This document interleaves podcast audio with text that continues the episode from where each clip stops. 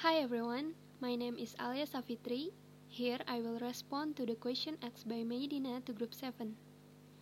The question is There are phenomena among students today such as fight between students, drug abuse, free sex, and the lack of knowledge about national value indicate the fighting of the value of national consciousness and state, in particular among students. Based on the phenomenon, how do you build attitude and behavior to become smart and good citizen?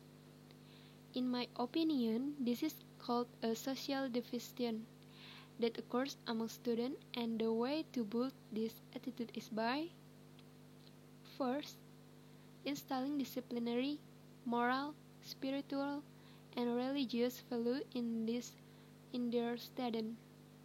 2. Teacher provide good role models for their student.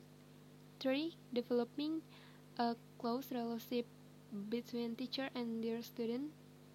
4. Supporting their student in developing their potential in a positive way.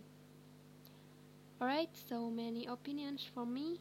Thank you for listening and bye.